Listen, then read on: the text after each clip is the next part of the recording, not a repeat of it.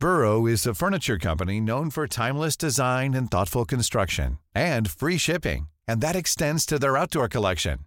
Their outdoor furniture is built to withstand the elements, featuring rust-proof stainless steel hardware, weather-ready teak, and quick-dry foam cushions.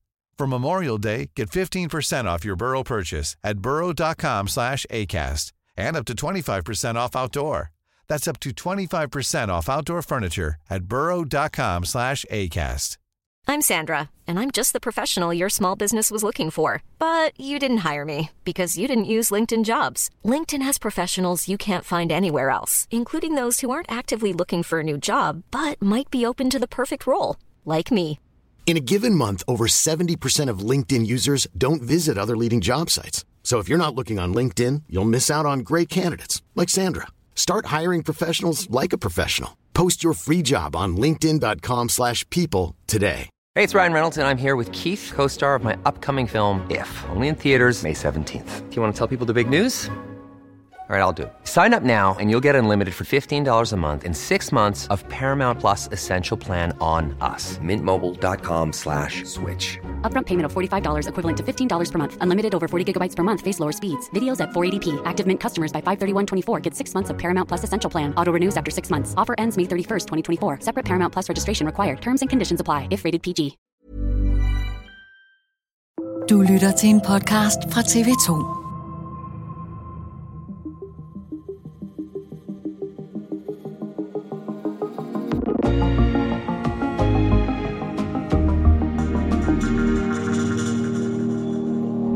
Vi har aldrig brugt flere penge på sundhed og medicin, end vi gør lige nu.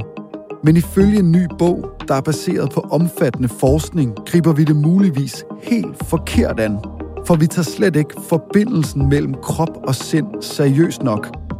I dato i dag går vi tæt på den nyeste forskning og stiller spørgsmålet, kan vi tænke os raske? Mit navn er Joachim Claus Høj Bindslev.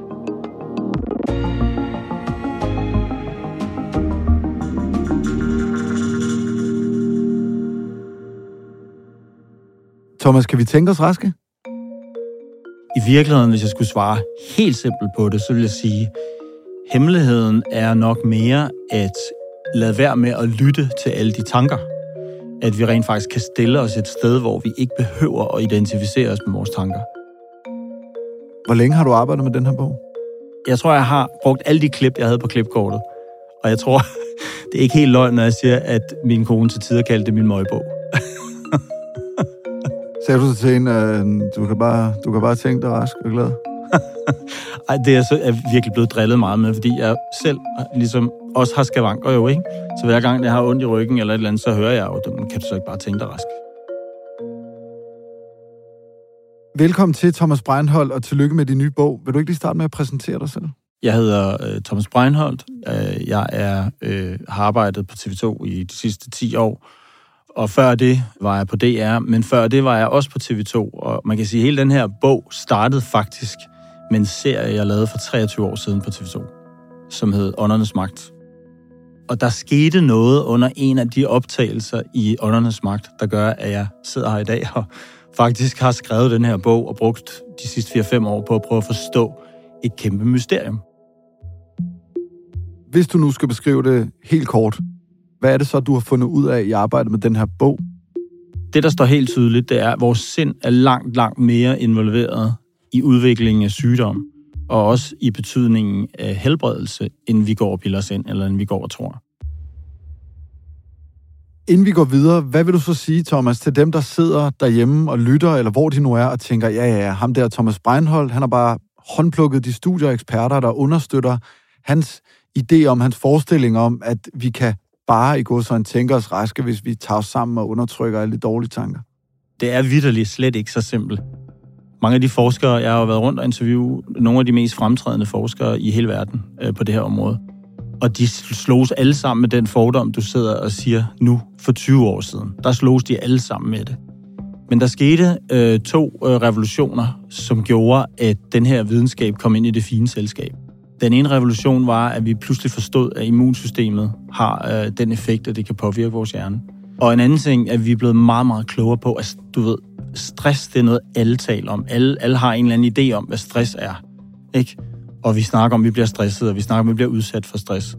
Men den anden ting er, at vi rent faktisk nu jo ved så meget mere om, hvad øh, stresssystemet øh, i kroppen er i stand til. Så hvis du kigger på den forskning, både immunsystem og stresssystem, så er vi et helt andet sted nu. Og jeg tror, det, det bliver mainstream, det her, at forstå, at vores, øh, vores livssituation, vores øh, forhistorie, de traumer, vi har med, med os i bagagen, alle de ting påvirker vores krop. Og det har vi ikke rigtig tænkt ind i sundhedssystemet i dag. For mere end 20 år siden var Thomas Breinholt i spidsen for et tv-program, der hed Åndernes Magt. Her blev folk med skavanker og uhelbredeligt syge helt uforklarligt helbredt. Oprindeligt startede det hele jo med, at jeg lavede nogle optagelser, der aldrig var meningen skulle publiceres i virkeligheden. Hvor der er et glasbord, der eksploderer i åndernes magt. Jeg beder dig om, giv et tegn, hvis du er interesseret i at blive eller også gå bort. Det glasbord gav sådan et chok.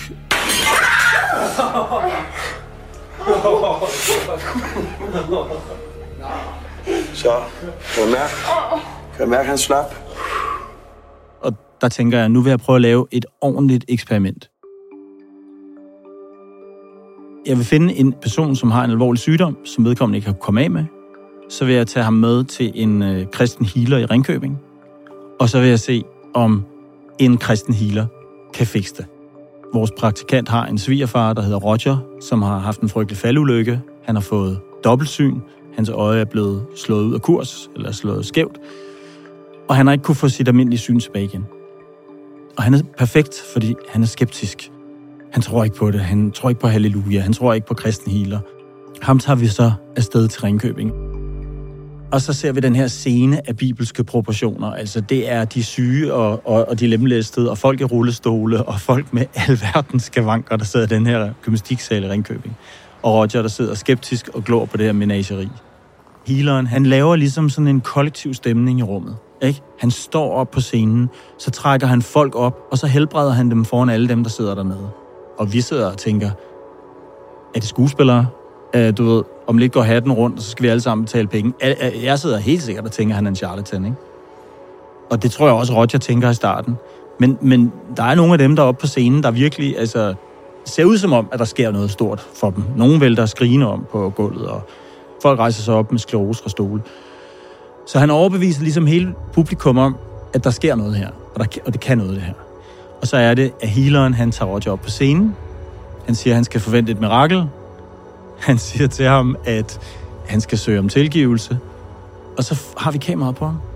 Mens Charles Endifon, som han hedder, healeren, han laver sådan en kollektiv uddrivelse af alle sygdommene. Og vi aner ikke, hvad der sker. Vi sidder bare og kigger på ham. Og så, så er det slut. Så skal alle rejse sig op og gøre det, de ikke kunne. Og Roger rejser sig op, og så pludselig er han væk. Vi kan ikke finde ham. Han er forsvundet. Det står for mig som sådan et helt surrealistisk menageri. Så pludselig finder vi Roger. Og så siger han... Jamen, jeg kan ikke forstå en skid af det hele. Og så siger vi, hvad er der sket, Roger? Jamen, jeg aner ikke, hvad der er sket, hvad? Og så har han fået sit syn tilbage igen. På de 6 minutter eller 7 minutter. Ja, og jeg ser et billede. Det gør jeg altså. Det er fuldstændig åndssvagt. Det er jo det her mysterium, der er så mærkeligt. Thomas Breinholt og hans fotograf tager efterfølgende på Rigshospitalet for at få øjenlægen til at tilse Roger Petersen. Lægen bekræfter, at dobbeltsynet er forsvundet, men han har svært ved at forklare, hvorfor. Og de kan bare konstatere, at han har fået det almindelige syn tilbage igen på begge øjne. Han kan jo ikke forklare det. Reelt kan han jo ikke forklare det. Men på en eller anden måde, så siger han, det må være den positive atmosfære. Og det er jo sådan en lidt søgt forklaring, fordi Roger var ikke videre positiv. Det, der så viser sig, det er, at han har også en anden oplevelse, faktisk. Den fortalte han mig ikke i 20 år. Det er først for nylig, han fortalte mig, når jeg fik lov til at fortælle den videre i bogen. Og det er, at øh, mens den der healing sker, så har han søgt om tilgivelse for noget, der skete for mange år siden i hans liv, på det tidspunkt, hvor han kom til at køre en øh, pige ihjel på cykel. Og det havde han haft rigtig svært ved at tilgive sig selv. Og det beder han om tilgivelse for under den der healing der. Og han følte, han fik tilgivelse for det. Og han siger også, at han følte, der var ligesom tre fingre inde i hans øje, der rådede rundt med det. Så der var så mange mærkelige elementer af den historie, som så gjorde, at nu, nu ville jeg simpelthen sætte mig ned og så sige, okay så, hvad ved vi egentlig om selvhelbredende kræfter? Hvilke overvejelser havde du egentlig, før du besluttede dig for alvor at gå ind i det her sådan helhjertet? Danmark er et ekstremt skeptisk folkfærd. Vi tror ikke på noget, vi ikke kan bevise. Jeg havde lavet både åndernes magt og sjæl og videnskab, og senere så fik jeg sat gang i healerne og helbrederne. Og, og det jeg simpelthen nåede frem til, det var, hvis man skal overbevise nogen om noget i Danmark, så skal man, så skal man stå på et stærkt videnskabeligt grundlag. Og derfor så var jeg helt klar over, at tiden var kommet til at lave en gennemgribende videnskabelig undersøgelse af emnet, så vi ikke længere snakkede om synsninger, og ja, det kan være meget fint, og folk tror det ene, og folk tror det andet, og alle har noget. Og jeg har jo selv en videnskabelig baggrund. Jeg har en biologisk uddannelse, syv år på Landbrugshøjskolen. Jeg kan godt videnskab, øh, og elsker videnskab. Og sagen er jo, at vi har ikke lavet særlig meget forskning i, hvordan vores sind påvirker vores helbred på den her måde, i forhold til al den forskning, vi bruger på molekyler og på operationer og på de normale ting i sundhedsvæsenet. Ikke?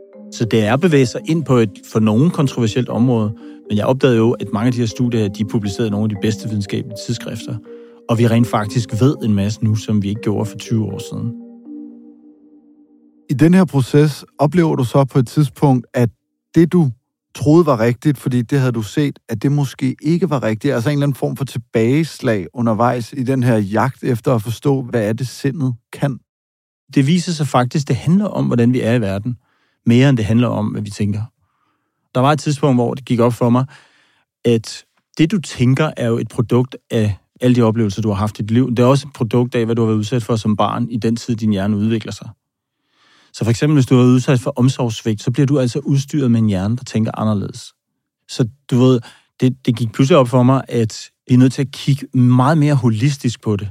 Hvad er din opvækstvilkår? Alle de ting, der sådan grundlæggende påvirker den måde, dit stresssystem virker på. Fordi hvis vi skal sige, hvad er nøglen til at forstå alt det her, det går igennem dit stresssystem, og derigennem dit immunsystem. Så hvis man skal forstå, hvordan alt det her det påvirker dig, så skal man forstå de ting. Det er sådan, når du skal have godkendt medicin, så skal du have to grupper. Det, sådan har det været siden 1956. Du placebo-kontrollerer dine forsøg. En, nogen får en kalkpille, nogen får den rigtige, og der er ikke nogen, der må vide, hvem der får hvad, og så har vi taget sindets effekt ud af ligningen. Ikke? Så ved vi, hvad den rene medicinske effekt er. Det har man bare aldrig vedtaget, at man skulle få operationer, fordi folk tænker, ah, vi kan ikke lave placebo-operationer. Altså, hvad, hvad fanden er det så? En foboperation? Altså, det viser sig så faktisk, at, at man de sidste 20 år er begyndt at gøre det med operationer, som man har lavet i 40 år. Så har man pludselig begyndt at lave forsøg, hvor man har sagt, ej, hvor meget betyder sindet egentlig i de her operationer? Det vil sige, hvis du skal ind og operere dit knæ, så har vi lavet en gruppe, hvor der får du den rigtige artroskopiske behandling, og så har vi en anden gruppe, der også bliver bedøvet, hvor vi også stikker artroskopet ind i knæet på dem, men hvor vi bare ikke laver selve operationen. Så de tror, at de har fået den rigtige operation. du ser, du ser helt overrasket ud. Jeg er så helt du... paf. Er det noget, der foregår i Danmark også? Eller? Ja, og øh, vi har optagelser af det. Så jeg har faktisk filmet en placebo-operation i Danmark også. På Hvidovre Hospital får Thomas Breinholt lov til at filme et forsøg, som lægen Christoffer Barfod står i spidsen for. Og han skal lave et forsøg med en ny spændende form for knæoperation. Og vi får lov at komme med ind. Hans patient den dag hedder Jan, og Jan han er veteran, krigsveteran, og han har virkelig, virkelig øh, store smerter i sit knæ, og, og kan faktisk ikke fungere normalt. Så han har meldt sig til det her eksperimentelle forsøg. Det går ud på at pille øh, stamceller ud af maven.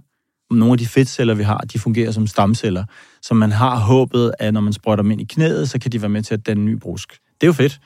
Så øh, Jan, han ligger der på briksen, og han har meldt sig til forsøget. Han har også underskrevet, at han ved, at der er en placebo-gruppe, og der er en rigtig gruppe, og man får ikke at vide, hvad for en man er i. Vi er derinde, og vi kan interviewe ham, mens operationen foregår. Han er lokalbedøvet, så de høster alle stamcellerne. Og så på det tidspunkt, da Christoffer skal til at injicere øh, stamcellerne, der må vi ikke kigge med, fordi der har en to sprøjter. En med saltvand, det er placebo, og en med stamcellerne. Det skal være meget stringent sådan noget der. Så vi får det ikke at vide. Men summa summarum er, at kort tid efter operationen får Jan det fantastisk. Jeg er ude at cykle med ham. Vi cykler en lang tur. Han har ikke flere knæsmerter. Og så ryger vi ind i coronatiden, så Christoffer kan ikke lave sit forsøg færdigt. Og det betyder, at han kan ikke fortælle Jan, hvad for en gruppe han er i. Så Jan lever i uvidenhed. Han aner ikke, hvad for en af de to grupper han er, og vi ved det heller ikke. Det er først for tre uger siden, at forsøget afsluttes efter over to og et halvt år. Og så er det, at Christoffer ringer til ham for at fortælle ham, hvad for en af de to grupper han var i. Ja, det er han. Goddag, Jan. Christoffer Barfod, Hvidbøl Hospital. Goddag med dig. Jeg ringer i forhold til øh, projektet, du har deltaget i, for at fortælle, hvilken gruppe du Ja. har været i. Ja. Jeg, t- jeg tror helt sikkert på, at jeg har fået min egen øh, gen, eller hvad skal man sige. Ja. Og det er jo det, der netop er det spændende, fordi det har du faktisk ikke. Nå. Du er kommet i placebo-gruppen. Okay. Så du har fået en sprøjte med saltvand. Nå. Og Jan kan slet ikke forstå det, for han var fuldstændig overbevist om, at han var i den rigtige gruppe. Han var stensikker på, at han havde fået den rigtige operation. Så i virkeligheden, så det, der sker der, hvad er det? Ja, hvad er det? Ja, hvad er det? Det er jo det samme mysterium som, hvad var det, der skete for Roger? Hvad var det, der skete for Christian Primdal, der også havde ondt i knæet? For at forstå det, så skal man forstå placeboeffekten. Og det brugte jeg lang tid på at prøve at forstå, for der er faktisk forsket sindssygt meget i den. Og mange af de ting, de har fundet ud af der, er utrolig spændende. Og hvis man skal koge det helt ned i, i sin grundvold, så er vi faktisk udstyret med et apotek i kroppen selv, der kan slå smerten ned. Det er jo for eksempel, hvis du er i krig, for eksempel, og du bliver skudt i armen, så dur det ikke, du lægger dig ned og skriger af smerte. Så skal du helst kunne kæmpe videre. Så vi har et smertedæmpende system selv.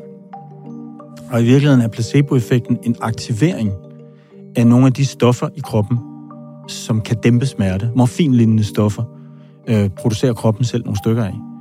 Så i virkeligheden så man sige, placebo er ikke hokus pokus. Det er ægte kemi, der sker inden i dig. Og så kan du sige, hvad er det så, der tænder den her proces?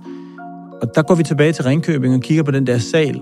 Kæmpestor kollektiv øh, følelse af halleluja og th- praise the Lord og øh, prøv at se alle dem, der er blevet helbredt. Og altså, sådan en, en virkelig overbevisende øh, forestilling for Roger, ikke? Og så går vi ind i operationsstuen og kigger på den situation. Det er jo også vildt overbevisende. Altså, der er jo lamper i loftet, og du får øh, bedøvelse, og der er anestesilæger, og der er sygeplejersker, og du bliver spritet af, og du bliver lagt ned med et særligt blåt klæde, og, og kirurgerne ser ud på en speciel måde, og de får de der dragter på. Der er tusind ritualer, når du skal ind og opereres, ikke? Og de to situationer har faktisk en masse til fælles. I begge tilfælde er patientens forventninger skruet max op. Og sådan har det jo været i hele menneskehedens historie. Vi havde jo ikke moderne medicin for 200 år siden. Indtil da har vi måttet forlade os på placebo. Ikke? Det har været shamanen, eller vølven, eller bartskæren, eller healerne, eller du ved, de kloge koner, eller urtekrammerne, eller hvad ved jeg, i, i vores historie, som har behandlet syge folk. Og, og hvis du har troet på det, og du har haft håb, og de har givet dig håb, og du har haft tillid til dem, og de har vist empati for dig, jamen så er der altså blevet aktiveret nogle af de her systemer i kroppen. Hvordan kan vi være sikre på, at det altså placeboeffekten, der har gjort, at Jan han kan suse rundt nu, selvom hans knæ var helt brændt af, før den her operation? Du kan jo ikke sige det på det enkelte patientplan, vel? Men når du kigger på alle de forsøg, der er lavet, altså med skulderoperationer, med rygsøjle, med så videre, så videre, så kan du se, øh, der er jo mange patienter med i dem, og der er jo en stor statistik på dem. Der kan du se, at Jans historie er ikke en enlig svale. Det er noget, der sker i mange af de her operationsforsøg. Så øh, det, det, man, hvis man skal prøve at sige, hvad er forklaringen på det, så, så er det de positive forventninger, den overbevisende behandling, håbet om, at han får det bedre, der på en eller anden måde er i stand til at lave et skift i hans smerteoplevelser.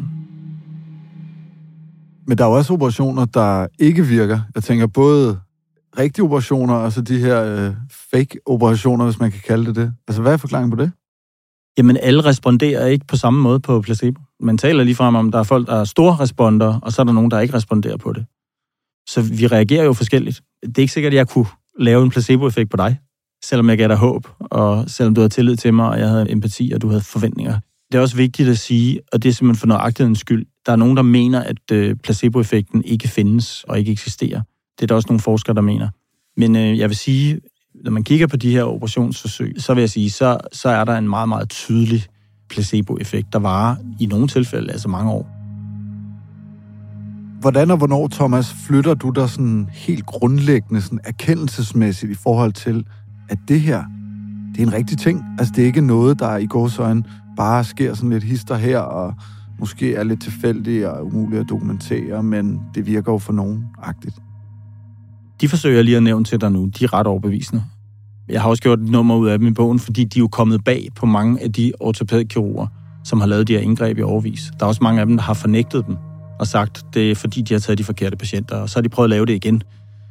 Og altså, der har været kæmpe pushback på de her resultater. Det fortæller alle de forskere, jeg har interviewet, som har lavet forsøgene. De har, de har haft voldsom modstand, fordi ej, det kan det ikke. Det, det kan ikke bare være noget, vi forestiller os, du ved, ikke? Altså, så det synes jeg har været spændende. Den anden store ting, der virkelig overraskede mig, virkelig, virkelig overraskede mig, det var, at jeg fandt ud af, at de traumer, vi får som børn, de trækker lange sygdomsspor i livet. Og de traumer, du eventuelt får, mellem du er øh, 0 og 15, øh, ved at vokse op med omsorgssvigt, eller vold i familien, eller seksuelt misbrug, eller alkoholisme, eller hvad ved jeg, de udmyndter sig i fysisk sygdom 50 år senere. Og det spor er så tydeligt og så veldokumenteret, at det er helt utroligt, at man ikke har hørt mere om det, eller jeg i hvert fald ikke har hørt mere om det.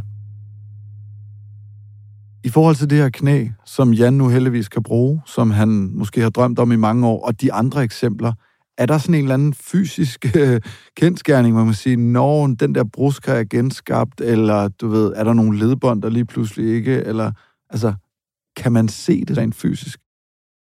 I modsætning til med Roger, øh, så har jeg ikke set, at man er gået ind og kigget på de placebo-opereredes knæ, for at se, om de havde ændret sig derinde. Det har jeg ikke set forskning, der har vist. Men jeg tror, det, det stiller spørgsmålstegn ved, det er jo, hvad er det, der skaber smerte? Smerte er noget mærkeligt noget. Smerte er også afhængig af, hvordan du har det.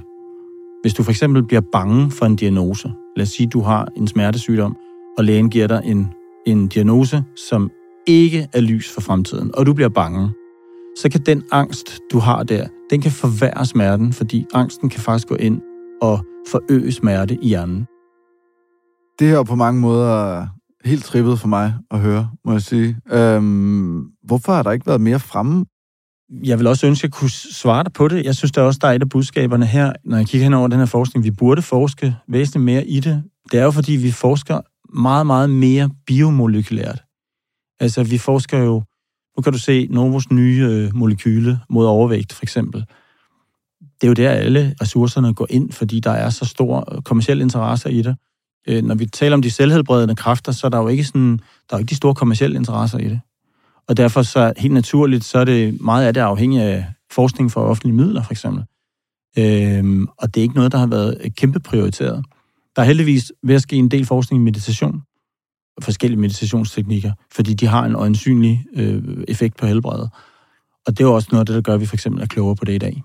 Så en af de sådan, mest åbenlyse forklaringer, det er, at der er ikke nogen penge i det her. Så alle dem, der så at sige bestemmer lægemiddelindustrien, og måske endda også myndighederne rundt omkring, de tænker, at det er ikke der, vi kigger hen. Det har jo faktisk været sådan, at placebo har været betragtet som en lidt irriterende ting. Fordi du skal prøve at forestille dig, når man har opfundet en ny pille, så skal man jo lave et forsøg med en placebogruppe. Ikke? Og hvis placeboen virker alt for godt, så betyder det, at medicinen ikke virker særlig godt. Så det er ligesom en, en forstyrrende effekt, som man har egentlig prøvet på i blandt andet medicinske forsøg, og se om man kunne få nedsat, eller man kalder det washout, man har prøvet at fjerne dem, der responderer godt på placebo. Fordi de tager ligesom den medicinske effekt ned, eller de gør den mindre, ikke? Så, så jeg vil sige, placebo har ikke, der, der er ikke, der er ikke ligesom været sådan en bølge, der sagde, ej, nu skal vi finde ud af, hvad, hvad der egentlig skaber placeboeffekten. Altså, jeg kan jo godt forstå sådan nogen som uh, Novo Nordisk eller Eli Lilly, deres amerikanske konkurrent. Ikke? Det ville stå meget irriterende, hvis man ikke behøvede at stikke sig med deres sager eller spise det i pilleform for at blive rask. Men sundhedsmyndighederne burde da have verdens største interesse i, i at udbrede det her så meget, som de overhovedet kan. Ja, altså man kan sige, jeg synes jo øh, ikke, det er jo ikke et enten eller. Altså ja, vi står på to virkelig stærke ben i sundhedsvæsenet med operationer og med medicin, og det skal man øh, bestemt ikke lade være med. Men, øh, men vi mangler måske det tredje ben, man kunne sige, sundhedsvæsenet kunne stå på. Så mange, hvorfor lærer vi ikke også folk at bruge de her kræfter? Så hvis der sidder nogle uhelbredelige syge derude og tænker, okay, jeg skal simpelthen bare undertrykke øh, de negative tanker, eller gøre noget lignende, så, så er det slet ikke sådan, det, det handler om. Det vil sige, det er, at der er en ekstra dimension i en øh, helbredelsesproces. Altså, jeg synes jo ikke, folk de skal lade være med at, at tage imod de tilbud, der er. Men hvis man selv kan gøre noget, Og i det hele taget bare det at føle, at du har en delvis kontrol over noget selv, som du kan gøre, det i sig selv giver en effekt. Held og lykke med bogen, Thomas Breinholt, og tak for, du kom forbi. tak skal du have, fordi du gad at høre på det. Dagens program er tilrettelagt af Emma Katrine Bjerre, Ida Skovskov og Leo Peter Larsen står for lyddesign, Astrid Louise Jensen er redaktør, og mit navn er Joachim Claus Høj Bindslev.